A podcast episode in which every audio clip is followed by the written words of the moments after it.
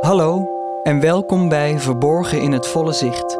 Een podcast van mij, Simon Heijmans, in opdracht van de Erfgoeddeal. Overal in ons land liggen schatten uit het verleden die we willen bewaren voor de toekomst. Het zijn de plekken die waarde geven aan je leefomgeving. Soms zijn ze al honderden jaren oud en soms wat minder, maar allemaal zijn het plekken die zich hebben bewezen. Deze plekken noemen we erfgoed. Erfgoed is wat mij betreft de materiële en de immateriële relicten uit het verleden waar je van kan leren en waar je je over kunt verwonderen. Het is eigenlijk de wortels van datgene wat wij zijn. Nou, dat kwam er eigenlijk best wel. heel goed. kwam er eigenlijk best wel oké uit. Erfgoed is er gewoon. Maar erfgoed kan ook verdwijnen, als het niet onderhouden wordt bijvoorbeeld. En het kan ook makkelijk sneuvelen in de grote veranderingen die voor ons liggen. De energietransitie staat voor de deur. De zeespiegel zal naar verwachting gaan stijgen en de zomers worden nog warmer. Dit kunnen we opvangen door zonneweides aan te leggen, dijken te verhogen en windmolens te bouwen. En in dit proces kan erfgoed verloren gaan. Of het kan juist worden ingezet en van waarde zijn voor de toekomst. En daarvoor is de erfgoeddeal in het leven geroepen. De komende jaren draagt de erfgoeddeal bij aan projecten waarin het verleden en het heden samenwerken aan een toekomst. Dat doen ze met een aantal erfgoedprofessionals vanuit hun programmabureau. En de komende tijd stuurt dat programmabureau mij op pad om meer te weten te komen over de projecten die ze steunen. Van die projecten zijn er veel, want zoals gezegd, Nederland barst van het erfgoed. Verborgen in het volle zicht. Misschien kom je er al wel elke dag langs, maar je ziet het pas als je weet waar je moet kijken. En dat gaan we doen in deze podcast.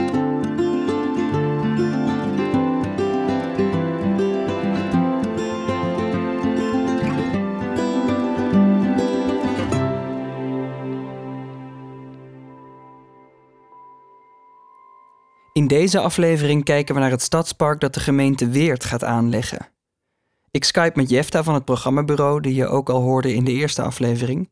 Hij geeft me de basics over het stadspark in Weert. Uh, nou, Weert is een van de allerdroogste en, en heetste plekken in Nederland. Uh, in de zomer is het ongeveer 5 graden warmer uh, dan in de Randstad. En zij willen wat doen aan, aan die hittestress in, in Weert, midden in de stad. Nou, dat kan je op verschillende manieren doen, waaronder... Het aanleggen van een park. De gemeente Weert voorzond daarvoor een plan dat ze konden uitvoeren op een locatie vlakbij de historische binnenstad. En dat getuigt wel van moed, vind ik.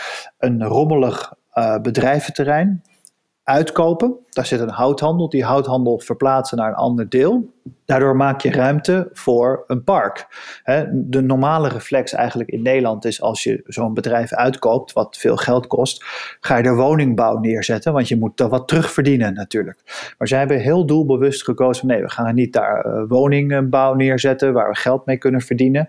Maar we maken een park voor de leefbaarheid om uh, die hittestress tegen te gaan. Uh, ook een deel uh, voor wateropvang. Dus, dus heel erg goed gekeken van nou, wat, wat heeft de stad nou echt nodig? Um, bovendien wat ik ook. Als ik een bezoek breng aan de stad Weert, wordt me verteld dat ze daar zoveel last hebben van de droogte omdat Weert ligt op een hoge zandgrond. Dat is nu onderdeel van een probleem waarvoor een oplossing is gevonden in het park. Maar ooit was die zandgrond juist de reden van het ontstaan van de stad Weert op die plek. Uh, Weert ligt natuurlijk op een, uh, een hogere plek uh, in een, doorwaadbaar, ja, een doorwaadbare plek in een moeras. Hè. Weert, een weert, met een D. Hè. Doorwaadbare plek in een moerasgebied. De Kempenbroek, heel veel natuurgebieden omheen. Dit is Geert, wethouder van de gemeente Weert. Hij is erg bevlogen betrokken bij de realisatie van het stadspark, dus hem spreek ik later uitgebreider. Maar eerst heb ik afgesproken met historicus Wim. Een van de eerste dingen die Wim me vertelt is over de genius loci. Ja, de geest van de plek noemt men dat. Dus de, de genius loci, dat is, dat is eigenlijk als je totaal niets van een plek af weet en je komt er, dat je al meteen het gevoel hebt, hey, hier is iets bijzonders gebeurd. Of hier is iets. De geest van de plek als mogelijke verklaring voor de aantrekkingskracht die erfgoed heeft op de mens. Hier is iets. Ja. En, en dat, dat, nodigt dan ook vaak uit. Er is ook wel verwondering. En dan denk ik, ja, ik wil, dat, ik wil daar meer van weten. Ik ontmoet Wim onder een vervallen oude poort die ooit naar een kasteel moet hebben geleid, maar die nu de doorgang is naar een grote geasfalteerde open plek waar tot voor kort de houthandel zat waar Jefta over vertelde. Het kasteel is gewoon één groot onderdeel van, van Weert geweest. En dat, dat is nou ook heel mooi dat dat nu ook terugkomt met die gracht. Wim is het soort historicus waarvan je zou willen dat hij je geschiedenisleraar was geweest. Hij vertelt met veel gevoel en veel gebaren. Bij woorden als ontstaansgeschiedenis laat hij zijn handen oprijzen alsof hij in het klein een toren bouwt. Die ochtend dat ik met hem optrek, heb ik af en toe het idee dat hij met zijn handen de intro van de serie Game of Thrones naspeelt. Als hij iets aan wil wijzen in de verte, dan doet hij dat met zoveel kracht in zijn armen, alsof hij ze als Inspector Gadget uit zou kunnen schuiven. Zo gepassioneerd neemt hij me mee in het verhaal van de plek waar het stadspark binnenkort zal verschijnen. Een plek die belangrijk is geweest voor de vorming van de stad Weert, maar ook voor het Koninkrijk der Nederlanden zoals we dat vandaag de dag kennen. Op deze plek stond ooit namelijk de Nijenborg, de nieuwe burcht van Weert. Maar om het hele verhaal te begrijpen gaan we eerst naar de oude burcht. We lopen nu naar de Aldenborg, dus, en dan vertalen wij dan inderdaad met de Oude Burgt. En dat is de plaats waar de dynastie van de Van Hornes, dus de heren van Horn, voor het eerst in Weert aankwamen. Waar ze dus hun eerste burcht, hun eerste woonburcht, eh, gesticht hebben. Dat was zo ongeveer in het midden van de 13e eeuw. De heren van Horne nemen vanaf dat moment van vader op zoon het bestuur op zich over het eiland van Weert, zoals de plek al van oudsher heet. Het is in ieder geval allemaal al vroeg bewoond.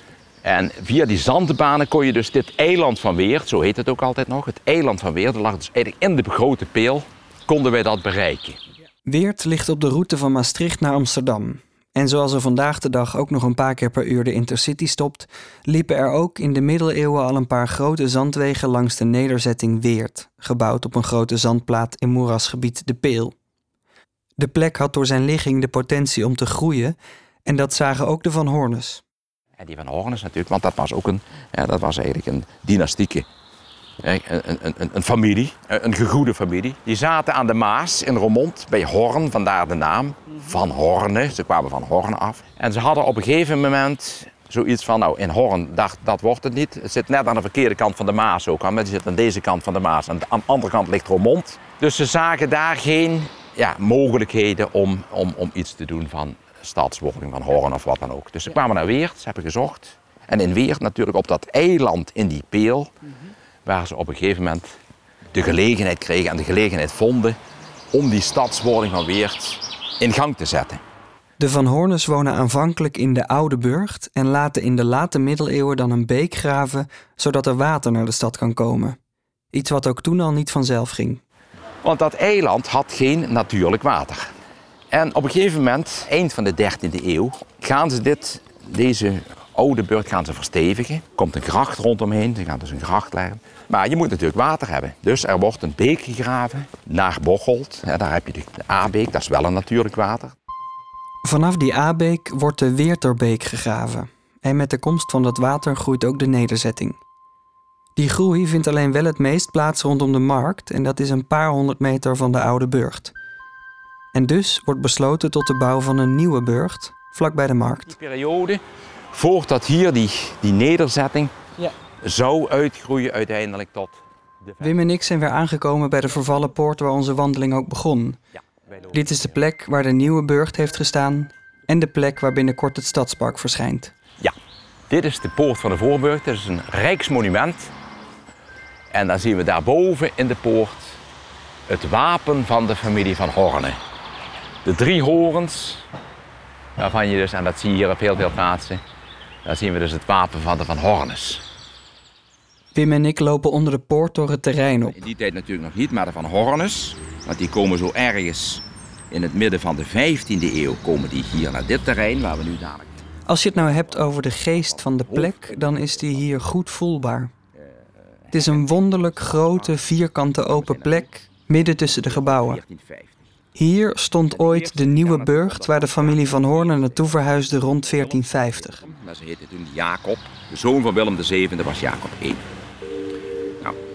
die bouwt daar een kasteel. En vanaf deze plek kun je een rechte lijn trekken naar het begin van de 80-jarige oorlog. Aan het begin van die oorlog speelde de graaf van Hoorne een gruwelijke hoofdrol. En nog voordat Nederland bestond natuurlijk, want de 80-jarige oorlog is die aanzet geweest tot uiteindelijk de Verenigde, eh, de Verenigde Provincie enzovoort. Met daar het begin van Nederland. En net in die aanloopperiode heeft hier deze regio een hele belangrijke rol vervuld in dat, in dat scharnierpunt in de geschiedenis. Dat moet je zo zien. De graaf van Hoorne was de graaf van een van de toen nog 17 provinciën. Dat zet hem dus in een rijtje met onder andere de graaf van Egmond en Willem van Oranje. Die 17 provinciën vallen zo halverwege de 16e eeuw onder het katholieke Spaanse bewind. Maar er ontstaat steeds meer onrust, onder andere vanwege de protestantse reformatie. Nou, dat verhevigt zich, zoals je nu eigenlijk ook ziet. Er zijn altijd tegenstellingen en op een gegeven moment verhevigt zich dat, nu krijgen we rellen. Maar toen kreeg je gewoon de beeldenstorm. 1566 zijn hier in deze regio heel veel beelden vernietigd. Nou, dat is natuurlijk tegen het zere been van, van de koning van Spanje. Die op een gegeven moment dan Alva hier naar deze gewesten stuurt. Om te zeggen, ja, ga daar eens orde op zaken stellen. En dan komt ook de graaf van Hoorn in het vizier. Het zijn natuurlijk diverse keren gewaarschuwd. Dat gaat de verkeerde kant op. Jullie moeten daar echt resoluut uh, een eind maken aan die protestantse sympathieën. Nou, dat lukte niet. En op een gegeven moment zijn ze uitgenodigd uh, om een gesprek te hebben in Brussel met Alva. Aan de pauzes die Wim laat vallen kun je horen dat dit niet goed afloopt. Uh, Willem van Oranje kreeg al lucht ervan dat hij beter daar niet naartoe kon gaan. Want men dacht, hè, we worden uitgenodigd als, als gesprekspartner. Maar Willem van Oranje kreeg al het signaal van nou het is beter om gewoon op de Dillenburg te blijven. Want dat gaat de verkeerde kant in. En inderdaad, in september 1567 zijn zij naar Brussel gegaan. Werden direct gevangen genomen na, het, eh, na de aankomst. En zijn op 5 juni 1568 op de Grote Markt in Brussel onthoofd. Als voorbeeld van, ja, dit gebeurt er met je als je zeg maar, tegen de koning van Spanje ageert. En dat was ook mede de aanleiding voor het ontstaan van de 80-jarige oorlog. Daar heeft natuurlijk Willem van Oranje zich als vader des vaderlands op kunnen werpen en op kunnen werken. En eh, ja, de beide andere graven hebben het helaas met de dood moeten bekopen. Het stoffelijk overschot, wat het lichaam was minder belangrijk, werd in het lood. Zo werd de Nieuwe Burgt dus de plek waar de laatste graaf van Hoorne heeft gewoond. Die burcht staat er nu niet meer, maar de vorm die de burcht gehad moet hebben, komt wel terug in het ontwerp van het stadspark dat nu op die plek wordt aangelegd. In ieder geval de muren rondom de hoofdburcht. En die hebben een beetje asymmetrisch verloop. Nou, nu willen wij heel graag, de erfgoedgemeenschap, dat die asymmetrische vorm, dat die ook terugkomt in het herinrichtingsontwerp. Dan beleef je namelijk, als je hier binnenkomt door de poort, dan zie je dat aan die kant die muur verder heeft gelopen. Deze kant heeft hij zo gelopen. Die asymmetrische vorm zal terugkomen in een haag, die de contouren volgt van de muren van de voormalig Nieuwe Burgt, om zo de geest van de plek, de geschiedenis, te beleven als je een bezoek brengt aan het park. Kijk, het is eigenlijk als het ware een nieuwe bladzijde in het geschiedenisboek van Weert. Ook nog een bladzijde die niet geschreven is. Want ja, we, we kunnen het nu met z'n allen gezamenlijk weer opnieuw ontdekken. We gaan nieuwe bladzijden toevoegen die we nog niet kennen aan de geschiedenis. En op die nieuwe bladzijde van de geschiedenis krijgt de plek waar ooit de nieuwe burcht stond een nieuwe functie. Daarover spreek ik met wethouder Geert. Ik vind echt een beetje zo de schone slaapster die uh, wakker gekust uh, gaat worden. Uh, en omdat er altijd een bedrijf was, gevestigd was, een houthandel, ehm, heb je daar eigenlijk nooit kunnen betreden. En straks kun je het wel betreden dit is inderdaad echt dus een verborgen parel. Want kijk, Jeroen Bos past bij Den Bos. Philips van Hoorne past bij Weert. Dat, het eerste weet iedereen, maar dat laatste, dat weet niet iedereen. Ondanks het feit dat wij een Philips van Hoorne school hebben, een middelbare school, Philips van Hoorne straat. Ja, dit klopt. Ik heb in Weert zelfs Philips van Hoorne graffiti kunst gezien. En ik heb me laten vertellen dat er ook een plaatselijke Philips van Hoorne musical is geweest. We hebben heel veel in onze naamgeving en in onze stad wat teruggeleid naar de tijd van Philips van Hoorne. Maar hier was zijn kasteel, hier woonde hij en hier staan nog restanten van eigenlijk vanuit die tijd. Geert kan ongelooflijk bevlogen vertellen. Hij werd als jonge linkse politicus met zoveel voorkeurstemmen gekozen dat hij zelfs het landelijke nieuws haalde als de wonderboy van de plaatselijke politiek. Zijn energie werkt aanstekelijk als je naast hem staat. In zijn kantoor hangt een regenboogvlag aan de muur en ligt een groot ontwerp op de grond van het stadspark. Er zijn nog legio verhalen te vertellen aan de hand van deze immateriële en materiële parel. En dan is het ook nog groen. En ook nog uh, klimaatbestendig en tegen hittestress en veel bomen en, en water. En in het midden van de stad eigenlijk. Dus... Daar zegt Geert iets interessants. Hittestress. Nou, Weert ligt natuurlijk op een, uh, een hogere doorwaadbare plek in een moeras. Hè. Weert, een weert. Uh, dat betekent dus dat op de hoge zandgronden, dekzandruggen... die je in Zuidoost-Brabant en Midden-Limburg en ook in de Achterhoek hebt... dat daar grondwater laag zit, uh, dat dat met zand natuurlijk snel ook wegcijpelt. dat je te snel te maken hebt met droogte. En op zandgronden die warmen ook sneller op. is het hier hoog, droog en warmer. Het heeft de afgelopen jaren gezien. Het is gewoon wekenlang 35 plus geweest. En we hebben echt te maken met, het is echt kurk droog. Hè? Het, lijkt alsof het veel geregend heeft, maar het is echt niet normaal droog ook in dit gebied. En um, dat alles zorgt natuurlijk ook, in samen met een vergrijzende bevolking, dus een steeds ouder wordende bevolking, zorgt er natuurlijk inderdaad voor steeds meer hittestress en ook mensen die daar ook echt last van hebben. Waardoor zo'n koele plek in de stad, uh, met ook water en ook veel bomen en veel groen, een, ja, wel echt een ontspanningsplek is. En ook eigenlijk een soort uh, airco van de stad kan zijn. Jij gaat dit de temperatuur omlaag brengen? Nou ja, niet, niet, hier, niet voor de hele stad, maar wel voor de nabije omgeving ben ik van Dus, dit park met een verhaal gaat een belangrijke rol spelen in de uitdagingen waar Weert mee te maken heeft, omdat het op die hoge zandgrond ligt. Die mooie gracht waar je straks langs kunt gaan wandelen en die bomen waar je onder kunt gaan picknicken, zorgen dat Weert aantrekkelijker wordt voor nieuwe bewoners om zich te vestigen in de gemeente, die nu te maken heeft met krimp en vergrijzing. En daarnaast speelt het park ook een belangrijke rol in de klimaatadaptatie van Weert. Nou ja, klimaatadaptatie is een heel breed begrip. Hè? Dus als er bijvoorbeeld grote buien zijn, zoals die van de afgelopen week, dan moet je water bergen, dat moet je vasthouden.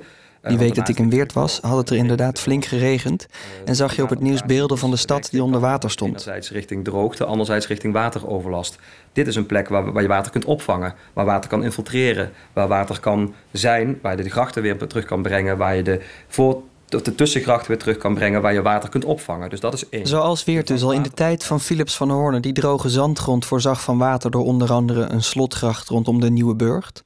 Zo brengen ze nu die gracht weer terug op die plek om water vast te houden na extreme buien en om dan verkoeling te kunnen bieden op dagen van extreme hitte. De klimaatadaptatie wil ook zeggen dat als het op plekken te heet is en je ziet ook de verstedelijking om dit park heen, um, dan, dan is het ook een plek waar je, um, ja, waar je dus inderdaad ook de, de schaduw en de, de bomen en, uh, en, en op dat vlak. Zo krijgt de verre geschiedenis van Weert dus weer een plek.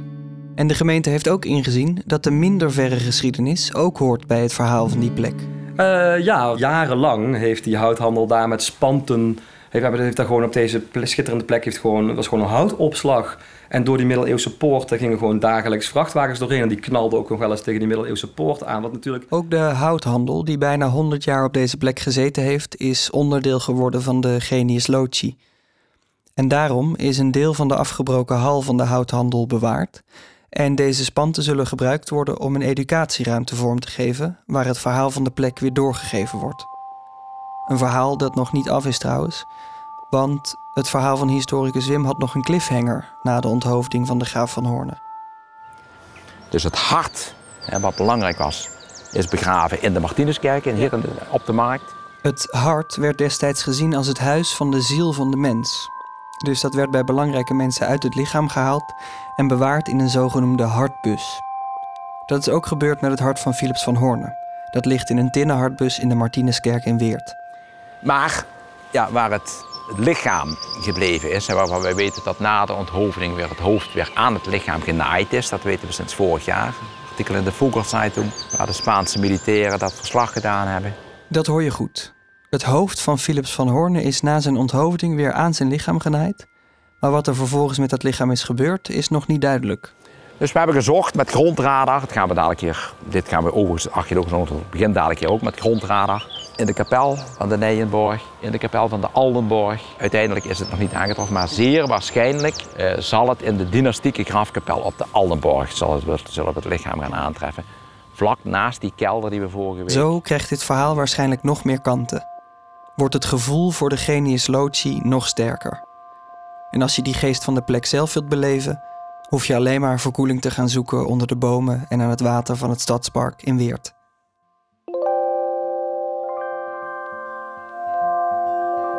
Je luisterde naar Verborgen in het Volle Zicht, een podcast van mij, Simon Heijmans, in opdracht van de Erfgoeddeal. Muziek in deze podcast is van Amir Vahidi en de audiomix werd gedaan door Sam Huisman. Wil je meer weten over wat de Erfgoeddeal doet?